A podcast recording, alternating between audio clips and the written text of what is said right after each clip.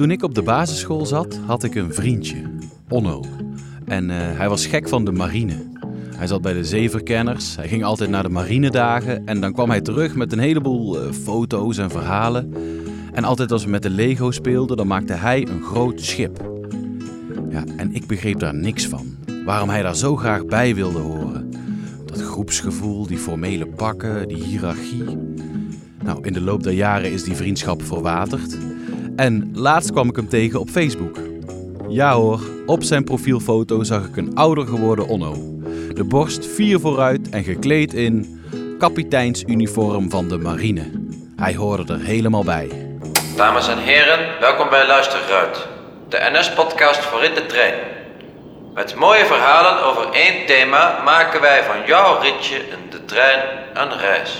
Yes, ik ben Thijs en deze aflevering ontleden we het uniform. Het dient voor een soort ordelijk beeld, maar ook voor een soort groepsidentiteit. Je, je voelt je onderdeel, je bent minder ego. Er is iets raars met uniformen en met uniformiteit.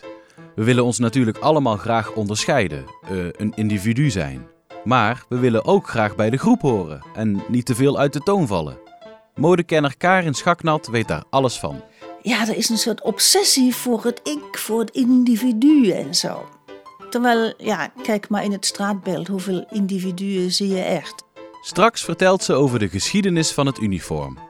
En we gaan echte eenheidsworst proeven. Want is dat zo vies als het klinkt? We zoeken het voor je uit. En sommige mensen dragen hun hele leven een uniform. Wat doe je nou met dat pak nadat diegene is overleden? Maar, maar dat uniform, dat bleef daar hangen op de kapstok. En die pet bleef daar liggen. Mijn moeder heeft het nooit weggehaald. Maar we beginnen deze aflevering natuurlijk in de trein. Want wat zou de conducteur zijn zonder zijn blauwe pak? Dat uniform is zo vanzelfsprekend dat het je niet eens meer opvalt. Maar hoe voelt het eigenlijk om in dat soort kleding te lopen? In het begin leek het net of je in een secret society kwam. Want ja, als jij je normale kleding aan hebt en je loopt de straat, kijkt niemand je aan. En opeens heb je uniform aan en iedereen ziet je. Politieagenten groeten je, brandweermannen. Een blauwe broek, een blauwe uh, softshelljas. Uh, in dit geval grijze sokken, omdat de blauwe in de was zaten. Een paar lekkere stevige schoenen voor als je het spoor in moet. Blauw blouseje, een spencer eroverheen. En een hoed. Ik ben Aquilino Silva, 38 jaar. Ik ben conducteur Rotterdam. Iedereen die een uniform hebt, aan hebt, begint je opeens zomaar te groeten. En in het begin vond ik dat raar. Nu is het raar als ik mijn eigen kleding heb en ik loop langs de agent, wil je hem ook al bijna groeten, maar dat werkt niet zo. ja, de eerste keer dat ik mijn uniform aan had, was het wel een beetje uh, onwennig. Ik ben uh, Amy Elmers, ik ben 29 en mijn standplaats is Lelystad. Ik loop nu denk ik ongeveer twee jaar voor mezelf als zelfstandig conducteur. In het dagelijks leven draag ik gewoon mijn uh, kleding. Spijkerbroekje, sneakers of boots. En dan trui, overhemdje. Gewoon casual eigenlijk. Jasje erbij. Niet te slordig, niet te netjes. Het is niet, natuurlijk niet het type kleding wat ik zelf zou dragen. Zo'n, ja, de stoffen en het colbert en... Maar zodra je het aan hebt of zo, je voelt je wel meteen part of the family. En ik draag normaal gesproken nooit blauw. Maar ik vind dat het me wel staat eigenlijk. Alles is bij mij verkeerd gegaan in het begin. Ik had een te grote broek aan. Als het wind weide, leek ik op Michael Jackson. het flapperde van alle kanten. Maar uh, ja, het voelde in het begin gewoon raar aan. Totdat ik mijn eigen kleding kreeg eigenlijk. En toen, ja, dat was meer als gegoten. Ik ben Patrick Simonis en zit al bijna 20 jaar als conducteur in Nijmegen. Nou, af en toe heb ik wel iets anders aan wat, wat een gemiddelde man van mijn leeftijd aan heeft. Travo-kleding. Met een leuke pruik, met leuke make-up op. Mijn persoonlijkheid, gewoon wie ik zelf ben, dat, ja, daar, vanuit daaruit werk ik. Ik doe een lipglossje op. Dat vind, dat vind ik wel uh, belangrijk. En dat je lekker ruikt. Dat als je langsloopt en je bent aan het controleren en ja, dan moet je gewoon lekker ruiken. En verzorg de handen, want je werkt met je handen. Als je met afgekloven nagels kaars gaat controleren, nee, dat, En helemaal tegenwoordig met die social media. Iedereen maakt foto's van je of filmpjes. Of weet je, er wordt zo snel op internet gezegd... nou, die conducteur of die conductrice, dat... Ja, en uiterlijk is niet het belangrijkste... maar het wordt wel als eerste nagekeken. Er zijn wel eens roze dagen geweest op de trein waarbij je het zou kunnen doen. Maar in die jurk gaan lopen op de trein. Nee, ik denk niet dat dat door heel veel reizigers op prijs wordt gesteld. Niet tijdens het werk. Kijk, sta je in de hal en er is op dat moment een roze dag aan de gang, dan zou je dat in overleg kunnen doen. Want samen met Trainbow is heel veel mogelijk. Maar ik heb het nog niet gedaan. Nog niet. De NS is misschien één grote familie. En zodra je uniform hebt, is- ja, ben je collega's van elkaar en dan groet je elkaar gewoon. Ja, je toch, uniform brengt dat met zich mee, ik weet niet. Je groet gewoon andere mensen in uniforms. Alleen stewardessen doen niet zo mee. Jammer. nou ja. Of er veel geflirt wordt. Eh, nou, nee, ik let daar niet echt op, denk ik. Dat is niet waar. Nee, dat is zeker niet. Nou, ik heb bijvoorbeeld wel eens dat, eh, of wel eens, het, ik heb het wel eens meegemaakt, dat een reiziger dan wel mijn nummer vroeg. Maar dan ehm, maak ik als grapje en dan geef ik het, geef ik het treinnummer. Ja, ik ben vrijgezel en ik zie ook wel eens knappe man in de trein. En dan denk ik, oké, ja, nou, dan lach ik maar. Nou, ik heb wel een wens, maar dat zie ik van zijn levensdagen nooit gebeuren. Een leuke broek, een korte broek. Vooral in de zomer. Ja, dan moet je elke keer, je benen scheren of harsen of zo. Dat is echt, eh, nee. Polo's zou geweldig zijn. Die zijn er niet, nee. Ik zou zelf wel de, de jasjes wel iets stoerder willen. Gewoon polo's. Dat zou geweldig zijn. Het liefst zie ik mezelf gewoon in de zomer of in de lente met zo'n stoer biker jack, donkerblauw of zo. En dan met een NS-logo. Makkelijk. Gewoon een goed vakje voor mijn porto en mijn, en mijn kaartlezer. Nee, korte broek of een rok of zo, dat hoeft voor mij echt niet hoor. Nee, nee, nee. Polo's is ook netjes. Ik weet niet wie meeluistert, maar polo's. Donkerblauw. Zo, ik denk dat ik de volgende keer als mijn kaartje gecontroleerd wordt, toch anders naar die conducteur kijk. Wat jij? Er zijn dus mensen die uniformen super aantrekkelijk vinden. Zeg maar gerust sexy. Vind jij dat ook? En ja, waarom zou dat eigenlijk zijn? Ik zat dus op een schip van Frankrijk naar Engeland en daar wilden twee giebelende dames heel graag op de foto met de kapitein. Ja, zo heel knap was die man eigenlijk niet, maar ze gingen naast hem staan alsof het eh Brad Pitt was. Misschien dat mijn vriend Onno ook wel op dat soort aandacht hoopte. Wist je dat onze doodnormale t-shirts eigenlijk van de marine komen? Karin Schaknat weet alles van de geschiedenis van uniformen en mode. In de kelder van haar huis in Arnhem heeft ze een werkkamer vol met boeken erover. Nicky ging bij haar langs.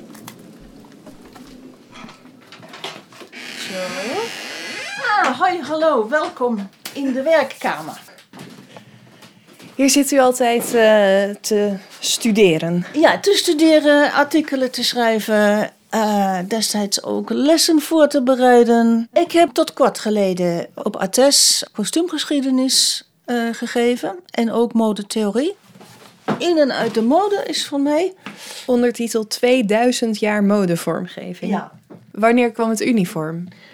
Ja, dat uniform dat, dat kwam zo'n beetje in de 17e eeuw zo ongeveer. Prins Maurits schijnt voor het eerst zo'n staand leger eh, opgericht te hebben. En dan is het toch wel handig als je die eigen strijders kan onderscheiden eh, van de vijand en zo. Corporate identity, zal ik maar zeggen. En dan waren allemaal nog tijden dat, ja, dat die, soldaten daar een beetje opgedoft ook eh, de oorlog ingingen. En ehm, dat, er zat een bepaald soort glamour aan. Dat indruk maken was sowieso van ouds een eh, belangrijk iets. Omdat je daarmee A, natuurlijk de indruk maakte op de vijand. Maar ook op eh, de eigen mensen, de bevolking. Die moesten toch ehm, een soort vertrouwen hebben van... oh, moet je kijken wat daar komt. Nou, dat zijn, dat zijn echt mannen, nou, die zullen ons wel verdedigen.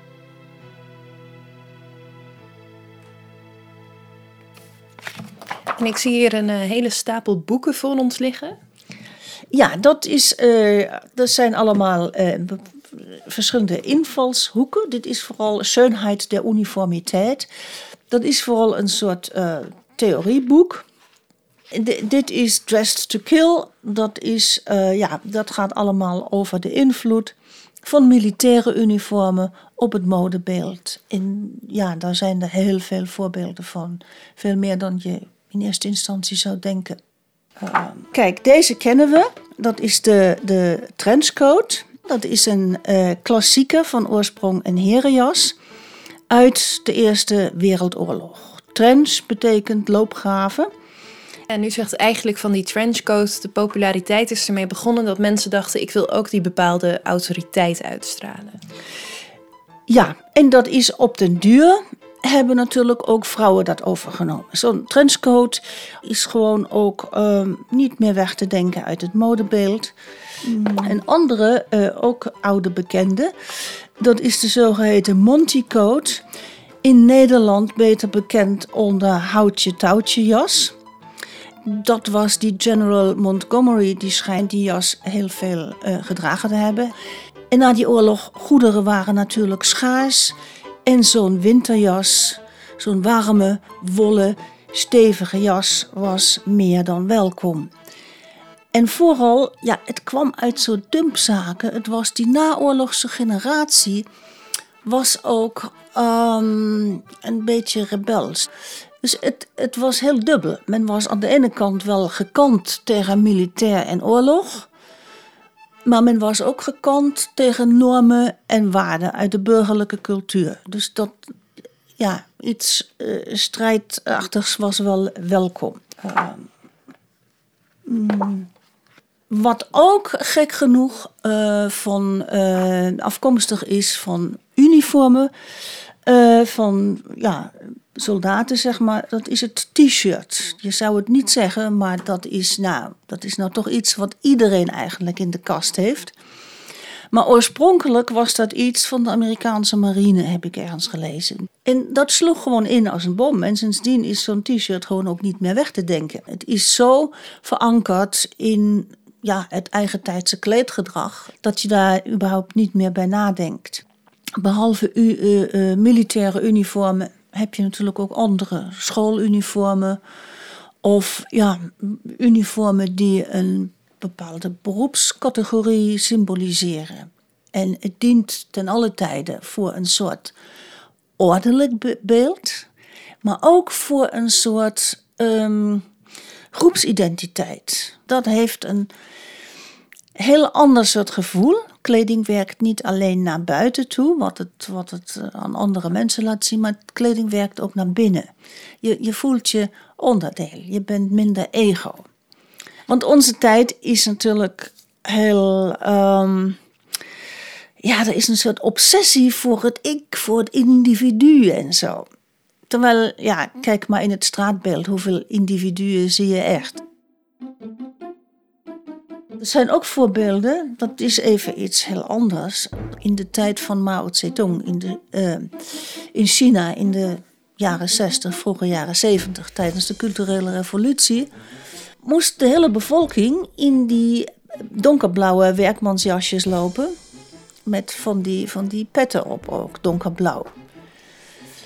Allemaal gewoon eenheidsworst. En dan in het hele land. Het hele land was één groep. En dan wil je iets anders. Dan krijg je het gewoon blijkbaar toch benauwd. Want die mochten natuurlijk niet iets anders kiezen, want dan was je een verrader. Dat luisterde heel nauw allemaal. Maar die begonnen zo een extra naadje te stikken in het voorpand van hun jasje. Echt gewoon iets, hoe minimaal dan ook, maar wat dan voor hunzelf was. Dus er is toch altijd in die kleding iets wat, waardoor je aan de ene kant een uh, een kuddedier bent en aan de andere kant juist weer niet. En het is, zodra dan een van die twee kanten doorslaat en dan voelt het onbehagelijk of zo. Tja, ik hoor wel een beetje bij die kudde, ben ik bang. Spijkerbroek, wit t-shirt. Als ik naar mijn kleren kijk, dan ben ik ook een soort uh, eenheidsworst. Maar is dat eigenlijk erg? Misschien is eenheidsworst wel hartstikke lekker. Lotte ging het testen. Ik ben in Heemstede. Ik ben onderweg naar slagerij Chateaubriand. En ik ga daar eenheidsworst maken. Dat is een worst die stamt uit de Eerste Wereldoorlog. Toen er veel schaarste was en toen je bij de slager geen stukken vlees kon krijgen. Alleen maar die ene eenheidsworst. Ik moet zeggen dat eenheidsworst me ook vrij smakeloos in de oren klinkt. Maar ik ben ook wel nieuwsgierig om hem een keer te proeven.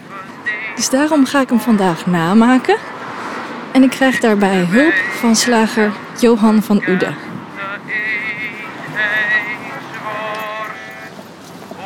Ja, hier moet het zijn.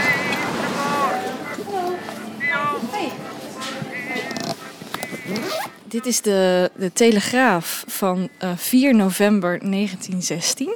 Deze dagen melden wij dat te Berlijn slechts één enkele worstsoort tegen vaste prijs staat te wo- te worden verkocht. De eenheidsworst kent twee soorten, bloedworst en leefworst. Op maandag 13 november zal de uniforme worst haar intrede doen. Iedere week zal twee worstdagen tellen en op die dagen alleen mogen de fabrikanten de winkeliers van worst voorzien. Ja, dat is bijzonder. Dat eh, kennen wij niet meer tegenwoordig. En wij gaan dadelijk samen de bloedworst maken, op, bijna op die, op die in- identieke manier zoals vroeger. en dan zul je zien dat dit hartstikke lekker is. Dit zijn eh, gesmoorde uieren. Hier heb ik brooddeeg geweekt in eidooier. Hier een klein beetje vlees. Dit is uit uh, Liessterk, dus wij noemen dat broeklap, vaktechnisch. En dit noemen wij kinderbakspek, dus vanuit het kopvlees. Want in het originele recept zeggen ze vang met zwoerd. Vang met een V. Ja, met vangen. Dat is zeg maar liest, uit de Lieststreek, dus vanglap. Dat gebruiken we nog steeds. Dat is dit wa- wat je hier hebt liggen. Oké, dus we hebben het goede vlees te Ja. pakken. En eh, gedroogd brood. Ook. En bloed. En bloed. En dan wat het originele recept niet heeft, de uien. En kruiden ook. En kruiden, ja, eh, kruiden en zout. We voegen net wat meer smaak toe, Ja. dat die gewoon lekkerder is. Dat dit gewoon iets meer op smaak komt zoals wij denken dat hij het lekkerste is. Ja, dat klopt. Anders dan past hij niet in de vitrine bij jou. Nee, anders mag niet de vitrine. Het moet wel lekker zijn. Ja. Een jonge meid had vroeger niks, werd als een plank zo waver. Maar eenheidsworstjes zijn, nou vrijt zij met een nou Komt hier een eh, plastic bak uit de koeling. Dit zijn allemaal darmen. Ja, dit allemaal eh, daar. Ze zijn wel schoongemaakt. Ja. De darm gaat om de vulbus. Er gaat een knoopje in het uiteinde. En als je aan die hendel daar draait, dan komt langzaam de vulling naar buiten. Ja.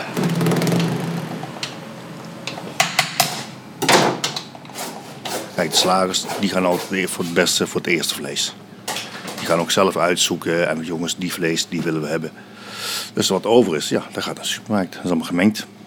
Als jij dat zou proeven, wat, wat proef je dan? Ja, proef je elke keer wat anders. Als je zo'n biefstukje koopt, is hij nooit hetzelfde. Dan is hij dunner, dikker, taaier. Eén keer kan heel, heel mals zijn en, en heel veel smaak. De andere keer valt het gewoon vies tegen.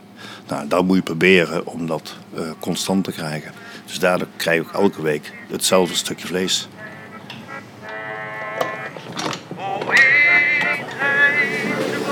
Kijk, de worstjes zijn klaar. Ja, ze zijn helemaal zwart geworden. Oké, ik ga proeven. Super lekker. Ik had niet gedacht dat ik het zo lekker zou vinden. Het is bijna hetzelfde als recept wat, wat je me had meegenomen. Eenheidsworst à la Chateaubriand. Chateaubriand.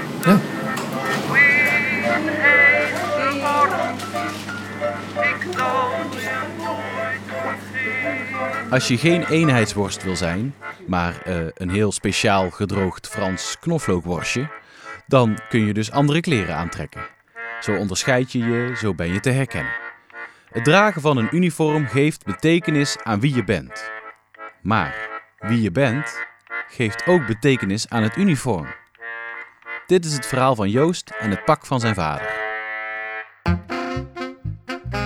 Mijn vader was een eh, grote, sterke man. En hij was eh, politieman. Eh, dus had hij ook een uniform, maar die had hij niet zo heel vaak aan. Maar zijn zware zwarte uniformjas, die hing altijd aan de, aan de kapstok bij ons. En daarboven lag dan eh, zijn politiepet. Alsof hij dat allemaal zo aan kon trekken wanneer het, wanneer het nodig was. Hij was vanuit zijn dorpje uit de Achterhoek naar Wageningen gekomen om, eh, om politieman te worden. En is dat geweest tot ongeveer 1988. En eh, toen werd hij ziek. En in de herfst van 1989 was hij dood. 48 jaar was hij. En ik 21. Maar, dat uniform, dat bleef daar hangen op de kapstok. En die pet bleef daar liggen. Mijn moeder heeft het nooit weggehaald. Ik denk omdat ze nooit afscheid heeft kunnen nemen of willen nemen van mijn vader. Ze zei ook altijd: Pa, dat is mijn zekerheid. Dus iedere keer als ik weer thuis kwam bij mijn moeder, dan zag ik dat uniform hangen en die pet liggen. Bijna alsof er, alsof er niks was veranderd. Tot het moment dat mijn moeder overleed. Vorig jaar. Dus toen moest het huis leeg.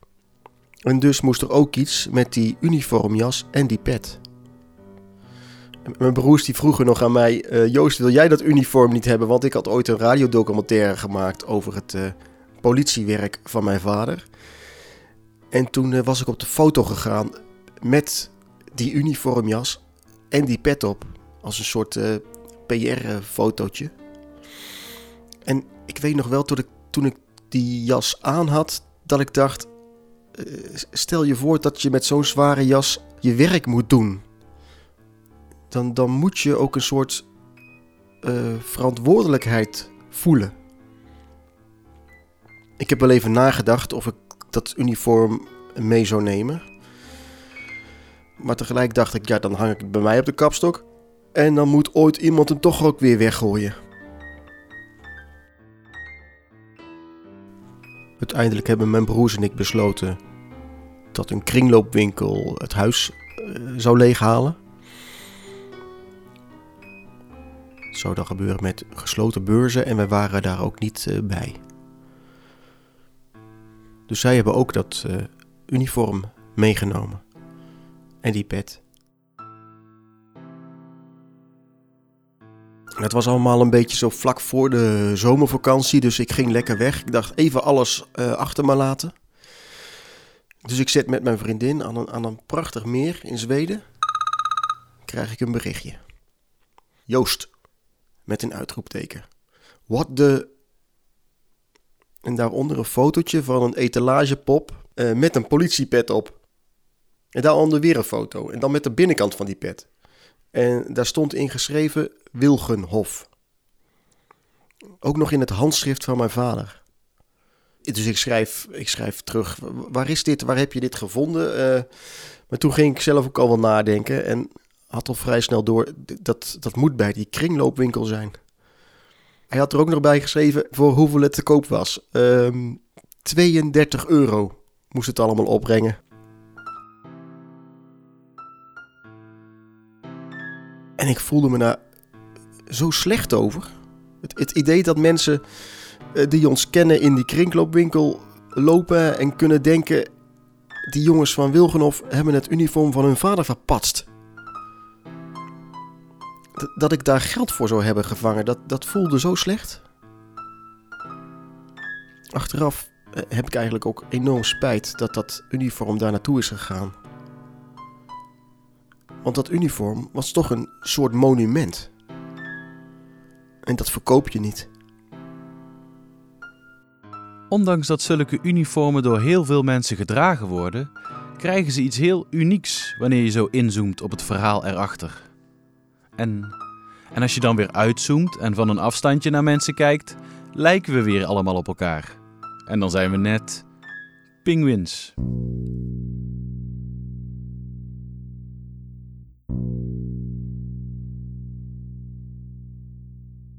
Het vriest. Het vriest dat het kraakt, dat het bijt, dat het slaakt. Met ons duizenden staan we in een kluit. We draaien rond. We krimpen in. We stoppen toe. We stappen voort. Leven voor de toekomst. Leven voor pensioen. Leven voor het weekend. Leven het geluk. We leven voor de arbeid, Met een stropdas om je nek die het zweet vangt als een aanrecht onder afdruiprek.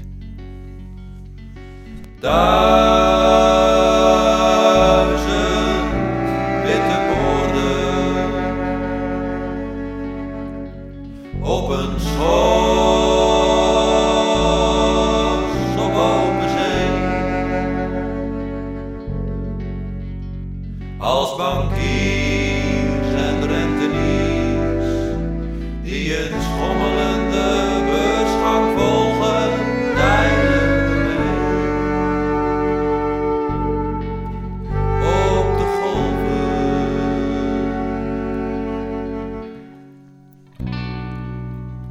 slaan met onze vleugels wat krampachtig om ons heen. Hoewel we van onze privacy houden, zijn we nooit alleen. Wonen op een kluitje, liefst ook bovenop elkaar. Schelden ons de huid vol, maar we houden van elkaar. En valt je buurman op zijn snuffert, zakt hij keihard door het ijs, dan geven we elkaar een handje. Maar niet voor elke prijs. Mocht zijn geluk jouw brood verkopen en zijn kwaad jouw vreugde zijn, Stop je gauw je snavel in je veerde dek, in je mantelpak, je uniform. Duizend witte borden op een schors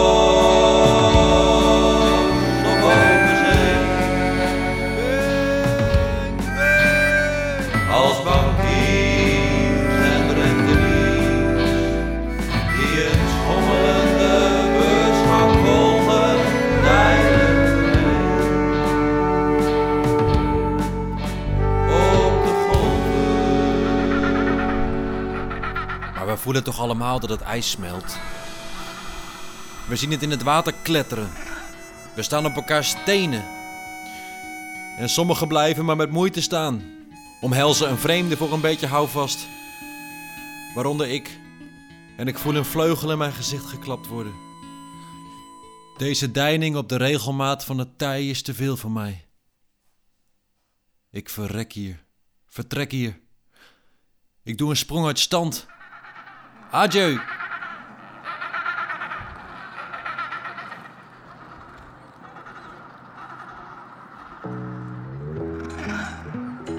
Als je goed kijkt, dragen we eigenlijk allemaal een soort uniform om aan te geven bij welke groep we horen.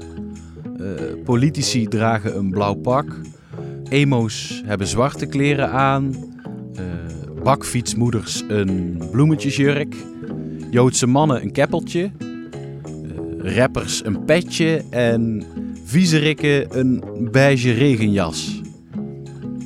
Ik denk dat ik voorlopig veilig op mijn ijsschots blijf zitten. Lekker warm tussen mijn soortgenoten in t-shirt en spijkerbroek. Dit was Luisteruit, een podcast van NS voor In de Trein. Leuk dat je luisterde. Nieuwe afleveringen verschijnen iedere eerste maandag van de maand. De volgende gaat over nomaden. Heb je een idee, een mooi verhaal of een vraag? Stuur dat dan naar thijs.luisteruit.nl. En je kunt je abonneren via bijvoorbeeld Stitcher, Spotify of iTunes en laat vooral een leuke rating achter. Tot de volgende.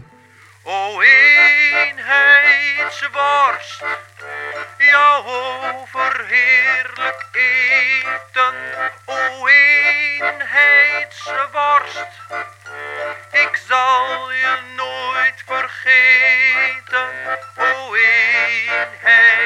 worst, jouw overheerlijk eten, o eenheidsworst.